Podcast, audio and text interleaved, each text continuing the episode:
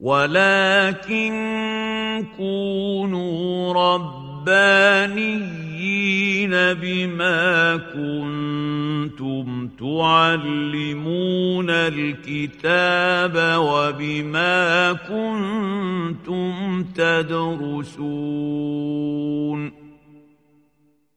شيخ العمود وأهل العلم أحياء. فقه الطهارة على مذهب الإمام أبي حنيفة النعمان مع فضيلة الشيخ علي صالح المحاضرة الخامسة. وقد انعقدت هذه المحاضرة يوم الجمعة بعد صلاة الجمعة بمدرسة شيخ العمود بحي العباسية محافظة القاهرة. أعوذ بالله من الشيطان الرجيم. بسم الله الرحمن الرحيم. الحمد لله رب العالمين. رب صل وسلم وبارك على سيدنا محمد النبي العربي الذي أعطاه الله جوامع الكلم وفجرت له ينابيع الحكم فهو صلوات الله وسلامه عليه إمام البلغاء وسيد الفصحاء ورائد الأدباء. وارض اللهم عن أصحاب النبي كانوا آئمة أعلام جمعوا بين البطولة والشجاعة والنضال وبين الفصاحة والبلاغة والبيان والمعاني والبديع. وارض اللهم عن التابعين وتابعيهم بإحسان إلى يوم الدين. وبعد فنحن ما زلنا مع هذا الكتاب الجليل وهو نور الإيضاح وهو كتاب بديع. فيه خير كثير. وما زلنا مع الوضوء. انتهينا من فرائضه وانتهينا من السنن وانتهينا من الأشياء التي يستحب فيها الوضوء ومتى يكون الوضوء مفروضا. فنقول وبالله التوفيق. بسم الله الرحمن الرحيم. اتفضل. أيها القارئ الكريم اتفضل. الله يحفظك. اشتركوا معنا إن شاء الله. اتفضل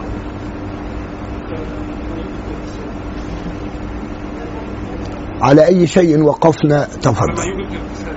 الله طيب. وبرضه أمور. آه أنتم تعلمون أن الوضوء لا يصح إلا على طهر. فما الأشياء التي آه توجب الغسل؟ تفضل. فصل ما يوجب الاغتسال نعم. يفترض الغسل بواحد من سبعة أشياء. جميل. خروج المني إلى ظاهر الجسد إذا انفصل عن مقره بشهوة من غير جماع هذا أمر جميل يعني خروج المني. إذا انفصل وخرج بشدة فهذا أمر موجب للغسل وإن لم يوجد جماع. فأحب أن أقول لكم خروج المني آه من الأشياء الموجبة للاغتسال وسواء كان ذلك بواسطة الاحتلام أو آه خرج نتيجة لتفكير. كل ذلك موجب للغسل. فإن ظهر المني على الجسد أو خرج آه من الموضع المعروف في هذه الحالة يجب الاغتسال. نعم. وتواري حشفة وقدرها من مقطوعها في أحد سبيلي أي. يعني هو قد بين النبي صلى الله عليه وسلم بقوله إذا التقى الختانان وجب الغسل فلو آه حدثت مجامعة وإن لم يكن هناك إنزال. وأنتم فاهمين هذه العبارة؟ وإن لم يكن هناك إنزال طالما أنه وجد التقاء في هذه الحالة هذا أمر موجب للغسل. وإن لم يوجد إنزال لا يشترط الإنزال. والنبي صلى الله عليه وسلم يقول إذا التقى الختانان وجب الغسل وسواء وجد إنزال أو لم يوجد. مفهوم هذه العبارة؟ يبقى مجرد الالتقاء يوجب موجب للغسل. وإنزال المني ميتة أو آه، انظروا يعني آه، هو طبعا أنتوا عارفين القواعد الفقهية مبنية على كل الافتراضات. فلو نزل المني بوطء ميتة. وطبعا هذا أمر يعني عجيب لكن ربما في بعض الناس فيها نوع من الشذوذ يعني. فلو جامع ميتة وجب الغسل إذا نزل مني أو بوطء بهيمة. يعني لو أنزل مني بوطء حيوان كذلك موجب للغسل. وهذه أمور عجيبة لكن الفقهاء كما تعلمون بيفترضوا كل الأمور كل الأمور لأن هذه الأمور ممكن تحدث عن بعض آه، أو من بعض الناس. فلا يتقون الله تعالى ولا ولا يراعون حرمة ميتة وقد ينزلون إلى درجة الحيوان والعياذ بالله تعالى. فإذا خرج المني بهذه الطريقة وجب الغسل. ووجود ماء رقيق بعد النوم إذا لم يكن ذكره منتشرا قبل النوم. جميل. وجد وجد بعد النوم ماء رقيق في ثيابه. في ثيابه.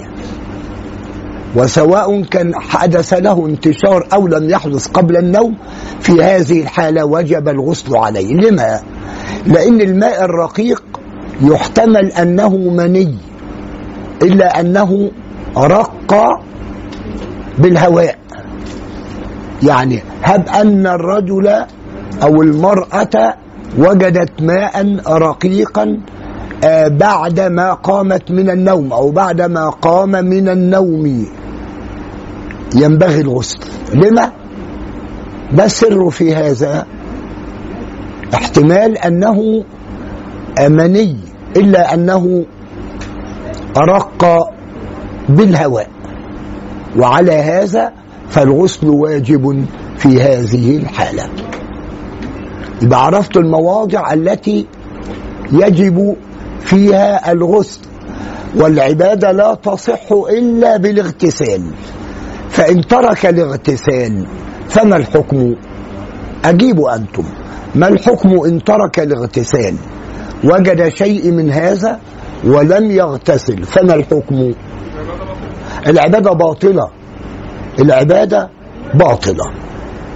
قام من نومه فوجد ماء في ثيابه رقيقة عليه الاغتسال. آه وكذلك الأمور السابقة التي بيناها. نعم.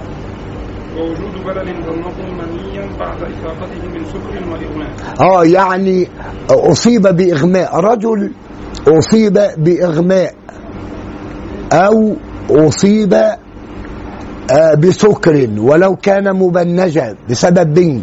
ثم وجد في ثوبه ماء. احتمال كبير أنه مني. ففي هذه الحال عليه الاغتسال. يعني بعد ما أفاق من إغمائه أو بعد ما أفاق من سكري لأن السكر أنواع قد يكون سكري بتعدي كشرب الخمر والعياذ بالله. وقد يكون سكر بدون تعدي كالذي آه يأخذ شيئا من البنج مثلا. فالبنج يؤدي إلى سكر. فبعد ذلك وجد ماء عليه أن يغتسل. ظنه منيا. لا عبرة بظنه وإنما العبرة باليقين. طالما وجد ماء ينبغي عليه أن يغتسل. نعم. وبحيض ونفاس ولو حصلت الأشياء المذكورة قبل الإسلام في الأصح شيء جميل. وبحيض أنتم تعلمون أن الاغتسال من الحيض أو الدورة الشهرية هذا أمر واجب. لا تصح العبادة إلا بالتطهر. الله تعالى يقول إن الله يحب التوابين ويحب المتطهرين. فإذا الاغتسال من الحيض واجب بمجرد انقطاع الحيض. وكذلك الاغتسال من النفاس. والنفاس هو دم يخرج عقيب الولادة. الاغتسال من هذه الأمور أمر واجب لا تصح العبادة إلا بهذه آه الأمور بالتطهر من الحيض ومن النفاس. ويفترض تغسيل الميت كفاية. أي مرة أخرى؟ تفضل. ويفترض تغسيل الميت كفاية. لكن اسمحوا لي ما مضى مفهوم ولا فيه غموض؟ الكلمات العبارات ال- الماضية المسائل الماضية بعتقد سهلة. أرجو أن تعرفوها حتى يعرف الإنسان الحلال من الحرام. بيقول وإيه يا سيدي؟ ويفترض تغسيل الميت كفاية. كفاية. يعني تغسيل الإنسان بعد موته فرض كفاية. لكن ما معنى فرض كفاية؟ لا أرجو أن تعرفوا هذا.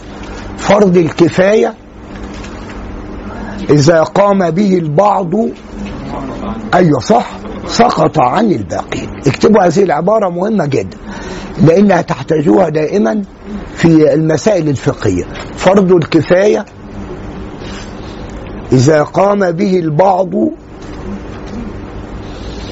سقط عن الباقين. وأما فرض العين فهو يتعين على كل إنسان. يبقى إذا هناك فرق بين فرض الكفاية وبين فرض العين. فإذا وجد من يغسل من مات يكفي.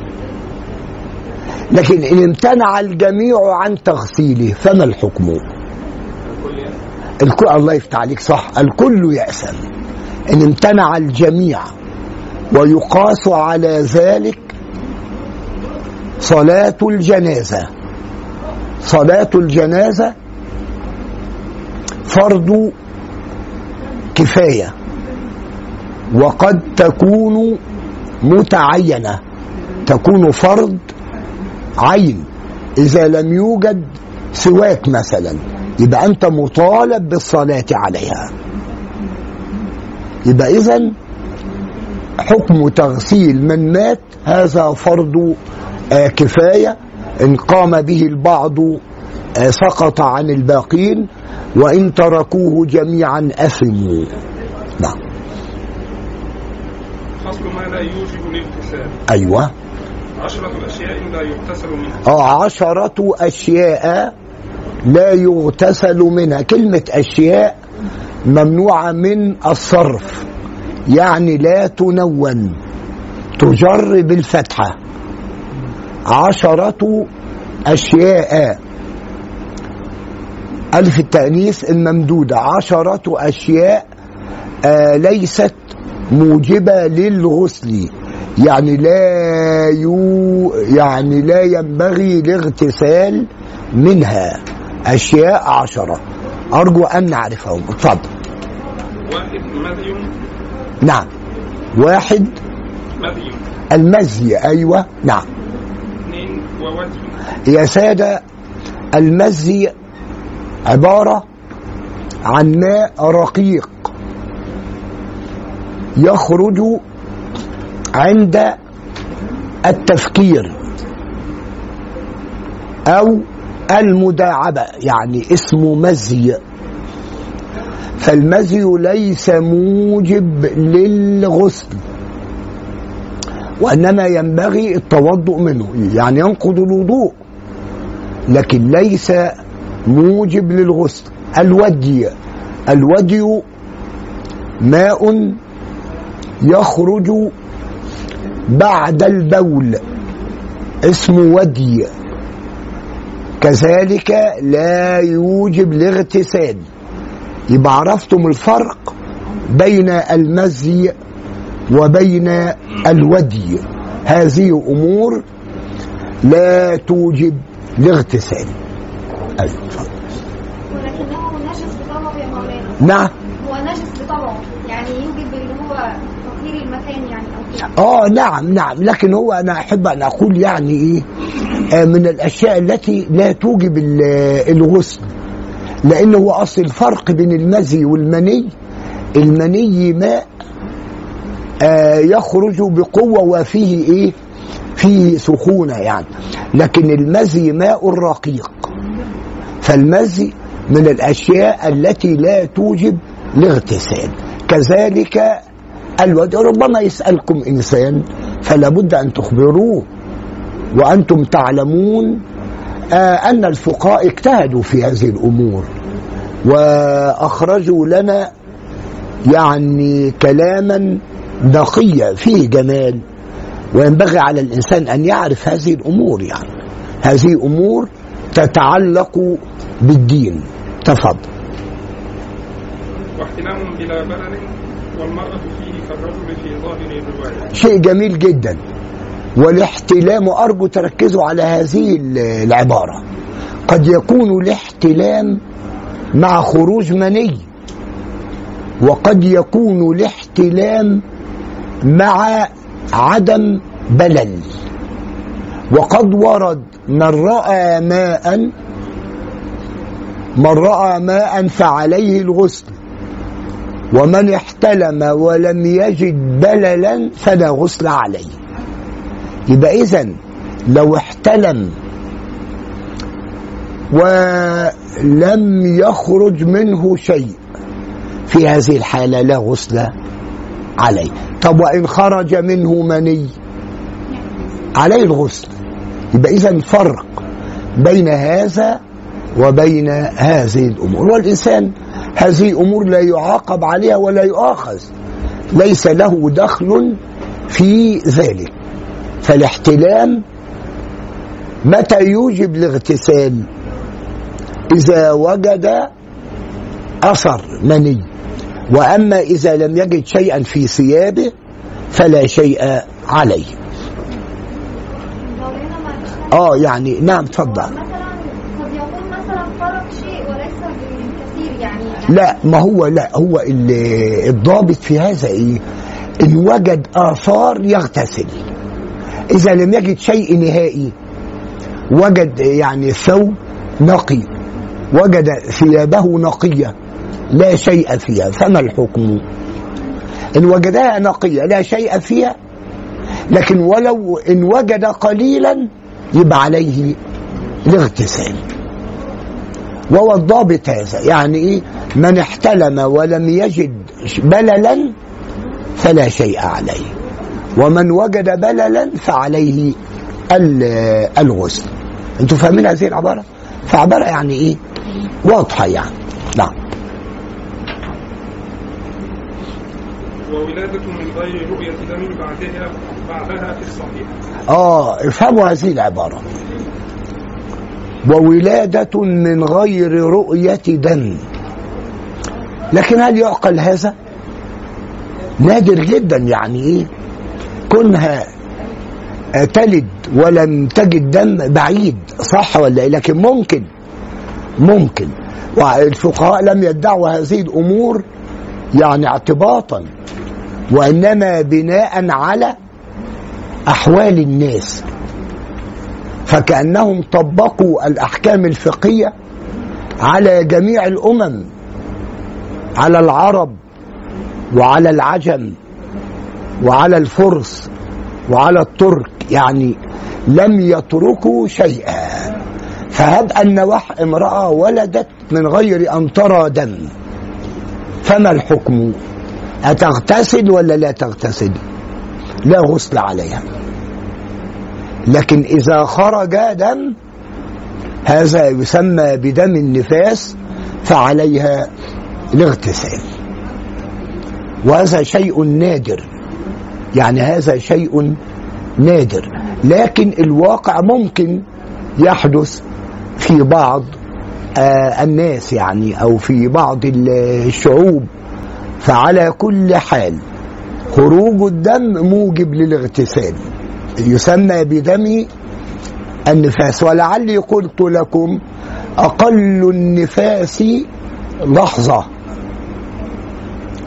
ممكن ينقطع الدم وأكثره أربع أيوه. أكثر يعني النساء لا النفاس لا يزيد عن أربعين يوما. وبعض المذاهب يجعله ستين.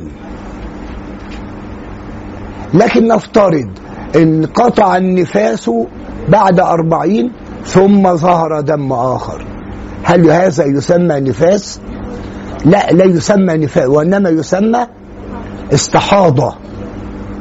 والاستحاضة لا شيء فيها. وهنفهم إن شاء الله الفرق بين هذه الأمور بين الحيض والنفاس والاستحاضة نعم وعلاج بخفة مانعة من وجود لذة آه عظيم. يعني لو حدث لو حدث إيلاج بين الرجل والمرأة ولكن بخرقة أو بمانع يمنع اللذة ولم يوجد إنزال فما الحكم؟ لا غسل عليه. يعني إيه؟ بمعنى لكن العلاج بدون بدون مانع للذة يعني بدون شيء يمنع اللذة. فما الحكم؟ لا طبعا كنا يجب الغسل. يبقى ما الفرق بين الأمرين؟ كان الجماع بدون خرقة يعني لم يضع مانع أو يضع شيء من هذا؟ عليه الغسل سواء حدث إنزال أو لم يحدث. لكن إن كانت المجامعة بمانع أو بشيء أو بعازل أو شيء من هذا ولم يرى إنزال في هذه الحالة لا غسل عليه. فعلى كل حال أحب أن أقول لكم إن الفقهاء بيعتبروا جميع الأمور. نعم. وحقنة. أيوة. آه الحقنة. الحقنة لا توجب الاغتسال الاحتقان ولو بيسموها حقنة إيه؟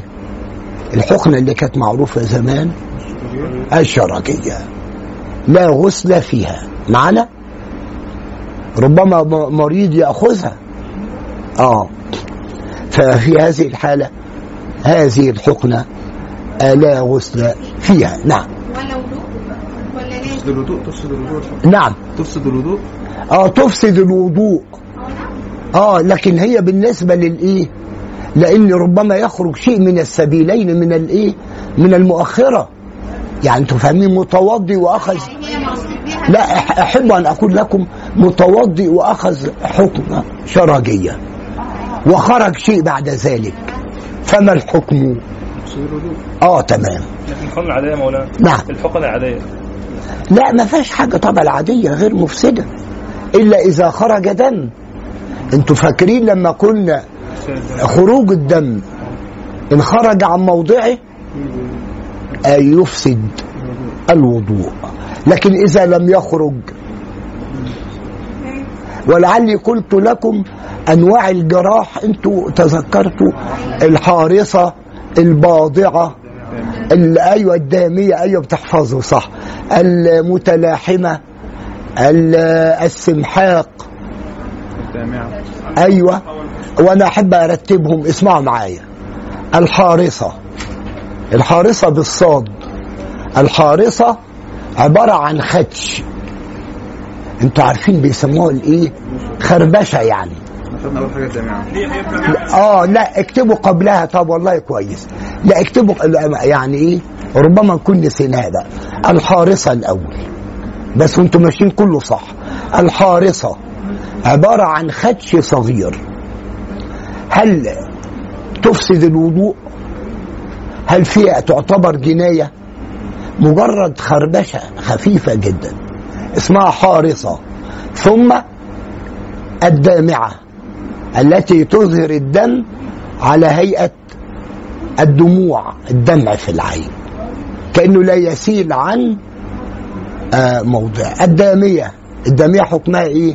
عبارة عن آه, آه جرح يسيل الدم عن موضعه. بعد الدامعة والدامية الباضعة هي التي تقطع اللحم. ثم المتلاحمة. تأخذ في اللحم أكثر. ثم السمحاق. أيوة. السمحاق عبارة عن جلدة رقيقة فوق العظم. تصل الضربة إليها. والأطباء المتخصصين في هذا مش كل الأطباء يعرفوا هذا طبعا. المتخصصين في الجنايات يعرفون هذه الأمور. الطب الشرعي صح. السمحاق ثم آه الموضحة التي توضح العظم وتكشفه. ثم الهاشمة تهشم العظم وتكسره. لكن أيهما أخطر؟ الهاشمة أخطر. ثم المنقلة التي تنقل العظم عن موضعه أخطر. وبعدها الأمة. تصل إلى أم الدماغ يعني إلى داخل الدماغ. وهذه جناية غالبا يموت المجني عليه بعدها. في في بعد كده؟ نعم. في الدماغه بعد كده. ثم الدامغة تمام. التي آه تفتت الدماغ. يبقى إذا هذه جنايات لا يعيش الإنسان بعدها. اسمها أنواع الجراحات أو الشجاج والتي تكون في الرأس. فنعوذ بالله من السوء. فاهمين يا سادة؟ لكن لما لما كتب العلماء هذه الأمور لأن كل جناية لها عقوبة معينة. يعني آه يعني لو ضرب إنسان فخدشه يؤدب فقط. لكن لو ضربه مثلا فكسر العظم دي جناية كبيرة أو ضربه فوصلت الضربة آه إلى أم الدماغ أو آه دامغة جناية قتل في عقوبة. آه نعم. نعم سيدي. لا هو الواقع اسمحوا لي إن كان متعمد يقتل. اللي هو القصاص بيسموه عقوبة الإعدام يعني. لكن لو مخطئ خطأ جناية أخرى عليه دية. عليه إيه؟ أدية. وهذه جنايات معتبرة اعتبرها الشرع نعم. أتفضل. وإدخال أصبع ونحوه في أحد السبيلين. وإدخال اصبع نعم. ونحوه في أحد السبيلين آه كلام جميل. يعني هب أنه مثلا دخل اصبع اصبع دخل اصبعه في أحد السبيلين؟ بالنسبة له آه هذا الأمر حكمه. هل موجب للاغتسال؟ لا غير موجب. آه بس للوضوء. ما إحنا قلنا في فرق يعني بس أنا أرجو تعرفوا الفرق بين الأشياء التي لا توجب الاغتسال الأشياء التي لا توجب الاغتسال كما قلت لكم ال- الحقنة التي تكون في الشرج هذه الحقنة غير موجبة للاغتسال. لكن هب أنه متوضئ وخرج منه شيء. لأن عندنا ما خرج من السبيلين موجب للوضوء صح ولا إيه؟ نعم. ووصف بهيمة أو ميتة من غير إنزال. كذلك. يعني لو خرج عن إنسانيته ووطأ بهيمة جامع بهيمة أو ميتة آه ولم يحدث إنزال لا شيء عليه. كأن المدار على الإنزال. ولا يفعل هذا إلا المجنون يعني. تفضل وإصابة بكر لم تز- لم تزل بكارتها من غير إنزال. كذلك إصابة بكر. البكر هي التي لم تتزوج. لكن من غير إنزال مجرد لمس. مجرد لمس في هذه الحالة ولم يحدث إنزال لا غسل عليه. طب ولو حدث إنزال؟ عليه الاغتسال. فصل في فرائض الاغتسال. الله تفضل. نعم. يفترض في الاغتسال أحد عشر شيء. نعم. غسل الفم والأنف والبدن مرة. آه أرجو بقى تعريفه هذا. اسمها فرائض الاغتسال. كما أن الوضوء له فرائض الغسل له فرائض. فما فرائض الغسل؟ أو ما الذي يفترض على المغتسل أن يفعله؟ اولا والكلام ده عام للرجال والنساء. واحد المضمضة. يبقى اذا سؤال ما الفرق بين المضمضة في الوضوء وبينها في الغسل؟ صح أيوه كلام ج... آه فرض في الغسل أيوه. وفي الوضوء سنة. أيوه إجابة جميلة صح. صح. المضمضة معروفة. ثانيا الاستنشاق. الاستنشاق. كذلك الاستنشاق معناه إدخال الماء في الأنف ثم إخراج الماء منه يسمى الاستنثار. كذلك من ال- الأشياء التي يفترض على المغتسل أن يفعلها لابد أن يعمم الماء على جميع الجسم. تعميم تعميم الماء على جميع الجسم. يعني لا يترك عضو من غير إراقة الماء عليه. هذا أمر معروف. نعم. لا فسيح لا مرة أخرى بقى من الأول اتفضل. من واحد لثلاثة آه. غسل الفم والأنف والبدن مرة كلام جميل. أربعة وداخل كفة لا عسر فيه آه مهمة ما معنى هذا؟ إذا كان الماء يدخل إلى بعض المواضع بسهولة لابد أن يغسل هذا الموضع. هذا الموضع. يعني تحت الإبط لابد أن يغسل هذا الموضع. آه كذلك مثلا آه نظافة الأنف ممكن. نظافة الفم ممكن. آه لكن هناك أشياء يصعب دخول الماء في داخلها كالسرة هل مطالب بهذا؟ يعني هل مطالب بإدخال الماء في الأشياء التي يصعب دخول الماء فيها؟ لا ليس مطالب لما؟ لأن الله تعالى يقول وما جعل عليكم في الدين من حرج الأذن هل مطالب بأن يدخل الماء داخل الأذن؟ لا يصعب صح ولا إيه يا جماعة؟ هل يدخل الماء في عينه؟ يعني هب أنه جنب هل مطالب بإدخال الماء في العين؟ لا لا يطالب بذلك لكن خارج الأذن يغسله لكن غير مطالب بإدخال الماء في الأذن.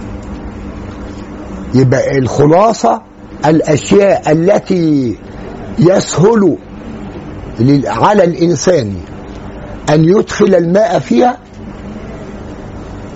عليه أن يفعلها والأشياء التي يصعب على الإنسان أن يدخل الماء فيها ليس مطالب بذلك. يبقى نحن نطالب بالأمور السهلة. ولا نطالب بالأمور الصعبة. نعم. يبقى إذا إدخال الماء في المواضع التي يمكن يبقى على الإنسان أن يدخل. لكن مواضع التي لا يمكن يبقى ليس مطالب بذلك. نعم. نعم. أربعة بالنسبة؟ هو بس أنا مش فاهماها أصلا. آه اتفضل. لا تاني اتفضل وال- والداخل كلفة ده عسر آه. لا الكلفة يعني إيه؟ الكلفة اللي هي عبارة عن موضع. اسمحي لي. الأشياء الأشياء التي لا ترى في ظاهر الجسد. يعني داخل الأذن. مثلا داخل الفم. كل هذه الأشياء إن كان إدخال الماء فيها يسهل يبقى مطالب بإيه؟ بغسلها. لكن إن كان دخول الماء فيها يصعب وأتينا بأمثلة من الأشياء التي يصعب دخول الماء فيها. العين ال- الأذن الأذن لأنها ربما تؤدي إلى إضرار بالعضو نفسه. يبقى الخلاصة عندنا عندنا يعني إيه؟ آه أمر معروف. إن كان الماء لا يؤثر فالإنسان مطالب بغسل الشيء. إن كان الماء يؤثر الإنسان لا يكون مطالبا بغسله. نعم. هو في الأول قال غسل الفم والأنف والبدن مار صح. اختص البدن مار وبعدين رجع قال وداخل قلفة لعصر غسله طب ما كان دي من ضمن البدن يعني من غير ما يخليها نقطة. لا أصل فيها تفصيل يعني. التفصيل باعتبار إيه حضرتك؟ لا التفصيل باعتبار إيه؟ الموضع. يمكن إدخال الماء فيه ولا لا يمكن؟ أنا أصلا ده جزء من البدن يعني. آه ما ده كلام جميل. هو أراد التفصيل يعني. في أشياء يصعب. دخول الماء فيها وفي أشياء لا يصعب فهو أراد إنه إيه؟ يفصلها. وسرة وحب غير و- وسرة. إن أمكن غسل السرة يمكن لكن الداخل من الصعب برضه. وإيه تاني يا سيدي؟ وحب غير آه نفترض إن في في الجسم يعني أثر أثر جرح. ولم ينضم. أثر جرح.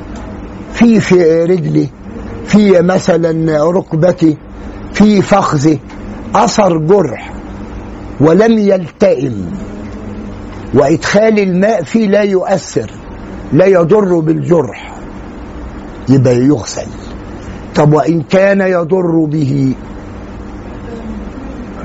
لا يبقى لا, لا يغسله يبقى إذا الجراح إن كان دخول الماء فيها يؤثر فلا تغسل. وإلا تغسل. يبقى إذا هذه أمور كلها مبنية على ال- الرحمة ومبنية على السهولة نعم وداخل المغفور من الشعر والرجل من شعر الرجل مطلقا إلا المغفور من شعر المرأة إن سرى الماء في أصوله آه مرة أخرى وداخل نعم. وداخل المغفور من شعر الرجل مطلقا. آه يعني ما معنى هذا؟ مين فاهم هذه العبارة؟ آه رجل أيوه له ضفائر. نعم يا سيدي.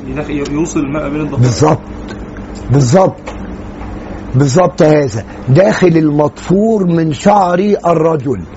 لأن الأصل في الرجل ألا يقوم بهذا يعني ألا يضفر شعره. طب وبالنسبة لل... للنساء؟ لا من شعر المرأة إن سرى الماء. بس. لا آه يعني بعض النساء بتجعل ضفائر. ضفائر للشعر يعني. هل مطالبة عند الاغتسال إنها تحل هذه الضفائر؟ إذا كان الماء يصل إلى داخل الشعر. لا ليست مطالبة. إلا إذا كان الماء لا يصل إلى آه إلى أصل الشعر. يبقى إذا لكن الرجل ينبغي عليه أن يحل آه، الضفائر. لأن العادة حتى في الرجال لو طولت الشعر آه هذا التطويل يعني غالبا لا يصنع ضفائر. إلا بعض الناس بقى يعني في ناس قليل أظن. اللي بيضفر شعره قليل. في المجتمع المصري. بعتقد لكن في بعض الدول فيه ممكن. طبعا. نعم. وبشرة اللحية آه وبشرة اللحية. لأن ممكن إدخال الماء فيها. نعم. وبشرة الشارب والحاجب الخارج. وبشرة الشارب. مفهومة. الشارب أعلى الفم معروف. والحاجب. الحاجب يكون على العين أيوه أيوه الله يفتح عليك صح. والفرج الخارج. أرجو أن تعرفوا هذا. الفرج الخارج يعني هي واحدة سألتني مرة سؤال. هل مطالبة بعد الجماع بغسل الداخل؟ يعني بغسل المني إذا كان في العمق لا وإنما تغسل المني إذا كان ظاهر في الخارج. أنتوا فاهمين هذا؟ آه, آه إذا أمور إن أمكن يمكن فعلها وهي آه بشر آه بشرة اللحية والشارب والحاجب والفرج الخارج. لكن ليست مطالبة بغسل آه، أو بإيصال الماء إلى الداخل وهذا أمر مهم هذا أمر مهم. فائدة جميلة بقى اسمعوها فائدة لغوية. فائدة لغوية كل الأعضاء المزدوجة مؤنثة. عارفين الأعضاء المزدوجة؟ أيوة صح. إيه تاني غير اليد؟ العين صح. ال- الرجل. الأذن. أيوة صح. كل الأعضاء المزدوجة مؤنثة. تقول إيه مثلا؟ عيينة في التصغير تظهر في التصغير. تقول أذينة. تقول الأذن غسلتها ولا غسلته؟ صح. أي كل الأعضاء المزدوجة مؤنثة. إلا ثلاث. الخد والجنب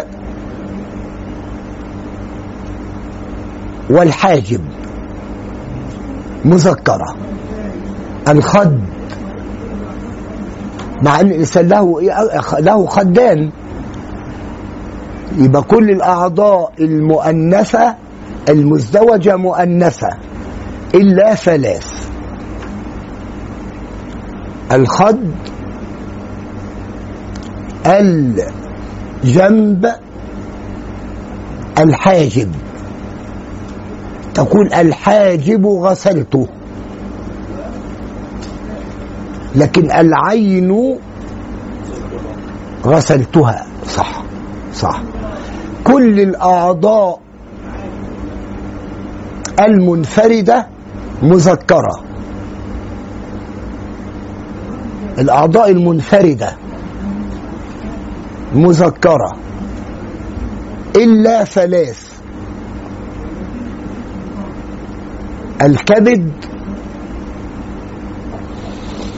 الكرش الطحال. مؤنثة. أنتوا فاهمين؟ أيوه. الكرش الكبد الطحال. ال الواقع اسمعوا يا جماعة. يبقى كل الأعضاء المنفردة مذكرة. تقول مثلا رأس مذكرة ولا مؤنثة؟ أيوه.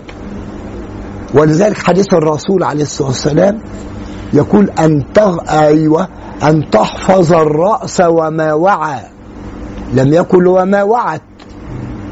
والبطن وما حوى. شوف والرسول هو القمة في الفصاحة. تفهمتم هذا؟ وهذه معاني حلوة.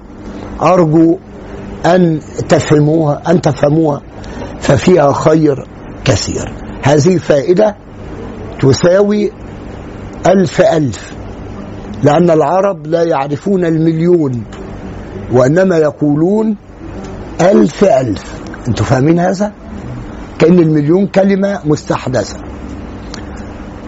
آه فائدة اكتبوها. خمسة أشياء بمنزلة الشيء الواحد. خمس أشياء بمنزلة الشيء الواحد. هي الفعل والفاعل. الفعل مع ولذلك تقول مثلا إيه؟ حضر. تمت الجملة؟ تقول حضر حضر أخوك. تمت الجملة. الفعل مع الفاعل. ثانيا المضاف والمضاف إليه. كأنهم شيء واحد. تقول مثلا غلام جاء غلام. ما أفاد شيء. لكن جاء غلام أخي. أفاد. المضاف والمضاف إليه. ثالثا الصفة والموصوف. الصفة مع إيه؟ الموصوف. مثلا نقول إيه مثلا؟ جاء رجل كريم. كلمة كريم أكملت كلمة رجل. رابعا الجار والمجرور.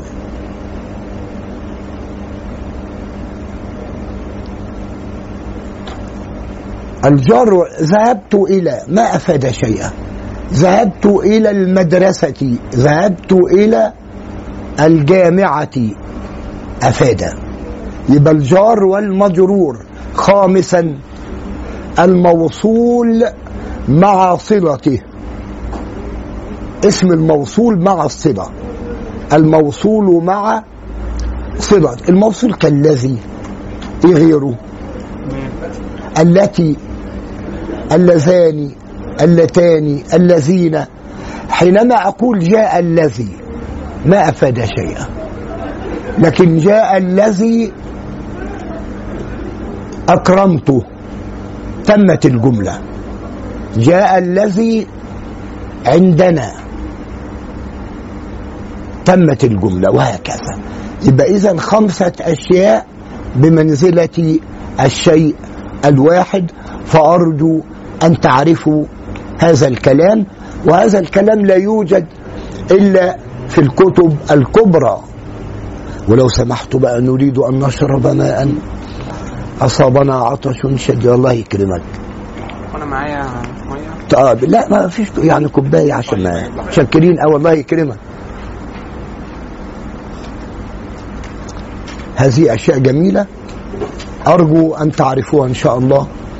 ونسأل الله لكم النفع الكثير والخير العظيم. سيدي ربنا يكرمك.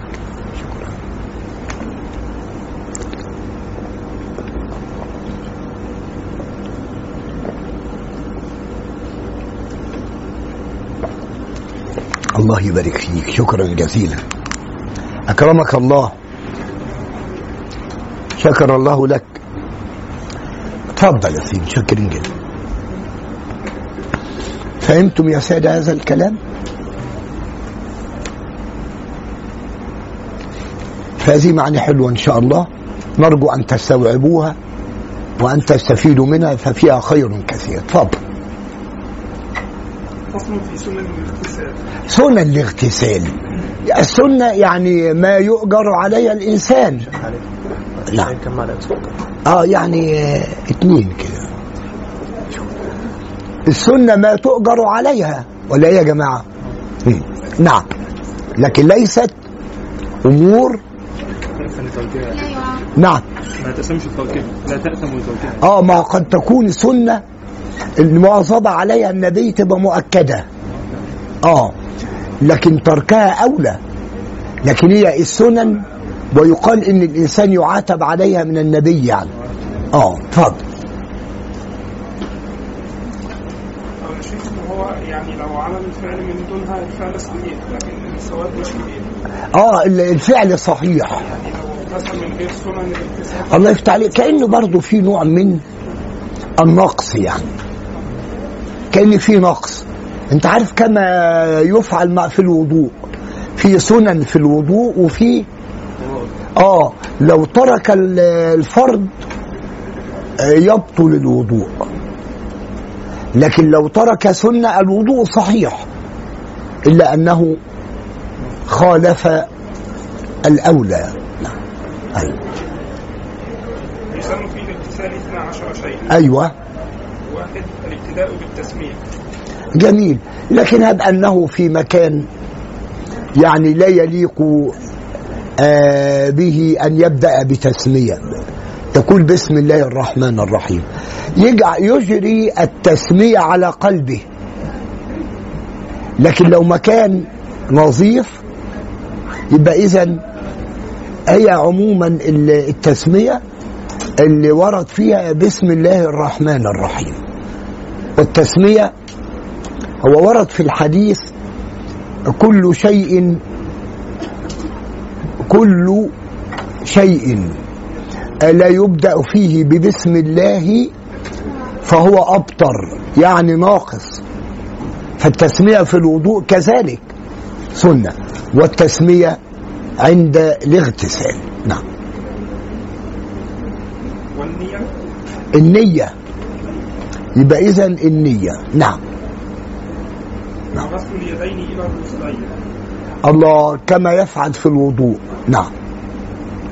وغسل نجاسة لو كانت على بدنه بانفرادها آه لو فرض قبل يعني وجد أثر نجاسات على جسمه. أثر مني مثلا أو أثر شيء أو أثر دماء من دم الحيض. المفروض يغسل. هذه الأمور لابد أن تغسل. ففعلها اولا يعد من السنة. لأن إراقة الماء على جميع الجسم كل ذلك الماء يزيل لكل شيء. لكن لو وجد نجاسة اثر دم أو غيره ينبغي عليه أن يزيله اولا. وغسل فرجه وإن لم يكن به نجاسة. وغسل وغسل فرجه وإن لم يكن به نجاسة آه. أشوف برضو من الأشياء اللي هي يسن فعلها. يعني غسل هذا الموضع آه من السنن وإن لم يكن به أثر نجاسة. نعم. آه غسل البدن إراقة الماء على جميع الجسم هذا فرض. لكن هو ينبغي عليه أن ينقي هذه الأشياء. يعني إيه؟ إنه ينقي المواضع التي آه فيها مثلا إيه؟ فيها نوع من آه النجاسات أو آه يظن أن عليها نجاسة. وجد أثر دماء وجد أثر آه شيء يعني على الجسم فينبغي عليه أن يزيله. لكن غسل جميع الجسم هذا أمر آه مفروض نعم ثم يتوضأ كوضوءه للصلاة آه ما حكم الوضوء؟ عند الاغتسال. سنة. سنة آه. نعم. يتوضأ كوضوئه للصلاة. نعم. فيثلث الغسل. نعم. ويمسح الرأس. نعم. ولكنه يؤخر غسل اليدين غسل الرجلين إن كان يقف في محل يجتمع فيه. آه اسمعوا يا جماعة. كان عادة الناس أو بعض الناس مثلا يغتسل في إيه في الأشياء الحديثة دي اللي هي زي ال اللي بيسموه إيه؟ بانيو مش كده برضه البانيو. وكان زمان الناس تغتسل الفقراء يعني يغتسلون في إناء كبير. الناس الفقراء في العصور الماضية وفي القرى وفي المدن في بعض البيوت كانت البيوت يعني الناس فقراء فيغتسلون في مكان يسمى بالطشت أو الطشت بلغة العامة يعني. المفروض يغسل رجليه متى؟ بعد خروجه من هذا بعد خروجه أو قيامه من هذا الإناء أو بعد خروجه من البانيو يغسل رجليه. ما يغسلش رجليه طب إيه السبب في هذا؟ لأنه يعني ربما يجتمع ماء من آثار الغسل أيوه أو ماء فيه آثار نجاسة فالمفروض يؤخر. لكن لو الماء جاري الآن كما هو الحال لا شيء عليه. لكن متى يؤخر غسل الرجلين؟ إذا كان يقف في مكان يجتمع فيه الماء. يجتمع فيه الماء فينبغي عليه أن يؤخر غسل رجليه. مفهومة جدا يعني. نعم. قبل قبل الغسل يعني قبل آه صح يتوضأ ثم يلقي الماء على جميع البدن. نعم. يتوضا عادي يعني من غير ما يكون لابس لا ما بيقول كوضوئه للصلاة لكن هو ينبغي على الإنسان برضه أن يستر يعني نفسه ما أمكن. يعني إيه لأن أنتوا عارفين برضه أنت ع- الإمام آه، أو سيدنا موسى يقال أنه كان يغتسل. اسمعوا هذه القصة. سيدنا موسى عليه السلام كان يغتسل بحيث لا يراه أحد.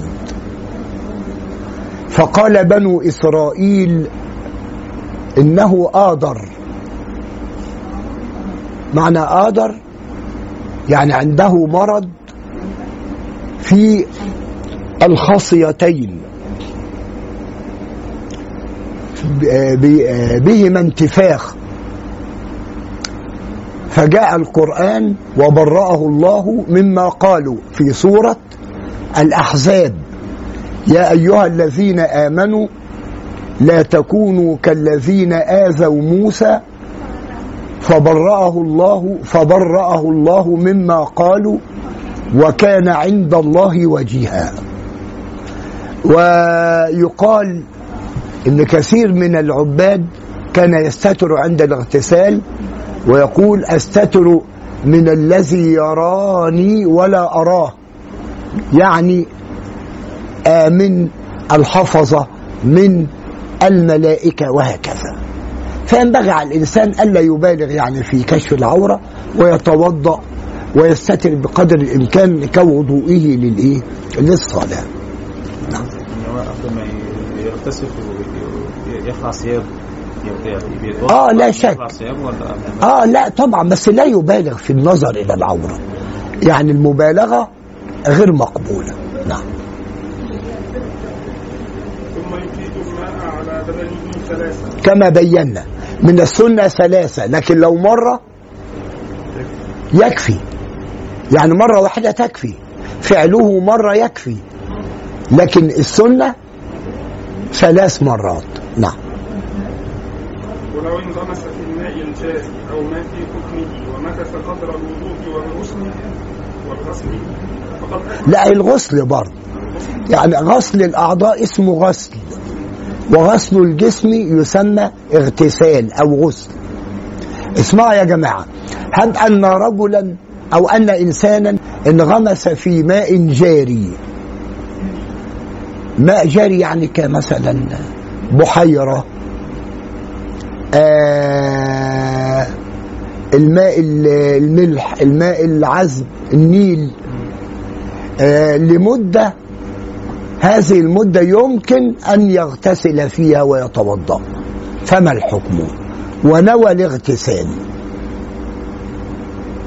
أنتوا فاهمين هذه العبارة؟ ان غمس في ماء جاري. انغمس بدون أي حركات يعني فضل في الماء خلاص. نعم. بدون أي هيئة هيئة غسل يعني هو انغمس في الماء خلاص وقف في الماء لكن آه لا يعني نوى الاغتسال. مجرد النيه وهو آه نوى الاغتسال. ومضى عليه وقت بحيث أن الماء عمم جميع جسمه. فما الحكم؟ هل هذا يغني عن الاغتسال؟ يغني. يغني صح. يغني عن الاغتسال. لو انغمس في ماء جاري. يبقى اذا ال- آه، الشرع أراد منا أن نتطهر بأي وسيلة من الوسائل. نعم. وكذلك ما إحنا بينا فيما مضى في أول الكتاب قلنا عبارة جميلة جدا. المياه التي يصح للإنسان أن يتطهر بها كام؟ أي صح أنتوا قراء. واحد ماء السماء المطر. ثانيا البحر. ثالثا النهر. وعارفين أنتوا الفرق بين البحر والنهر. أخذنا في الجغرافيا إن النهر للماء العذب.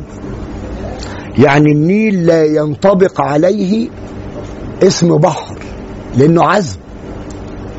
والمحيط لا ينطلق عليه نهر لأنه ماء صح ملح صح.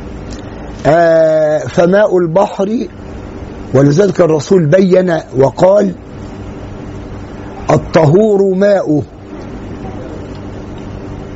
الحل ميتته. قال عن البحر الطهور ماؤه الحل ميتته. وأراد بالميتة اللي السمك السمك على اختلاف أنواعه. يبقى إذن ماء البحر طاهر وسمكه يؤكل. مفهومة يعني. وأنا لو اللي هو الحمام الدش نفسه يسرع عليه نفس الحكم بتاع الماء الجاري واقف آه صح هذا. صح هو بإراقة الماء على جميع ال- الجسم.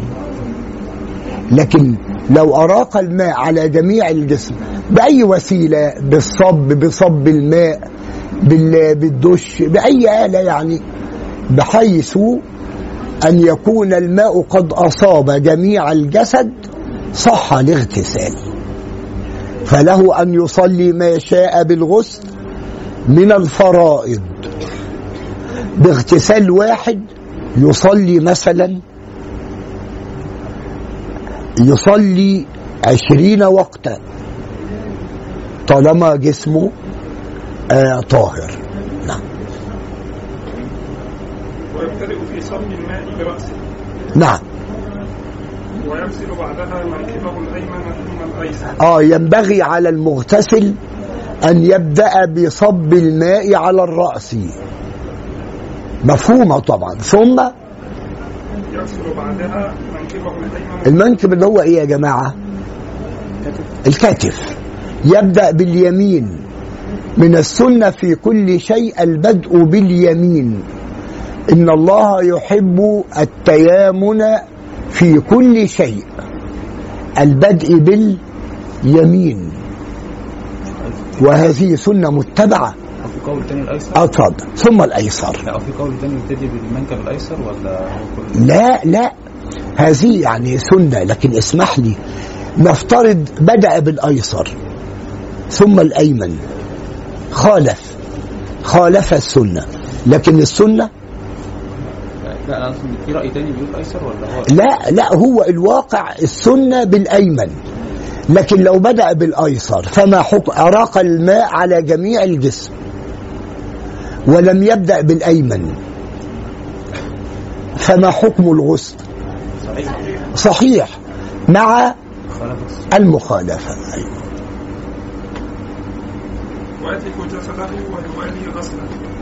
وإيه يا سيدي؟ ويدلك صح. هذه معلومة جميلة جدا. تدليك الجسم معروف طبعا. ما معنى تدليك الجسم؟ المواوي اليدين يعني على المواضع نعم سيدي. المواوي اليدين على المواضع يعني؟ آه لا التدليك تدليك الجسم.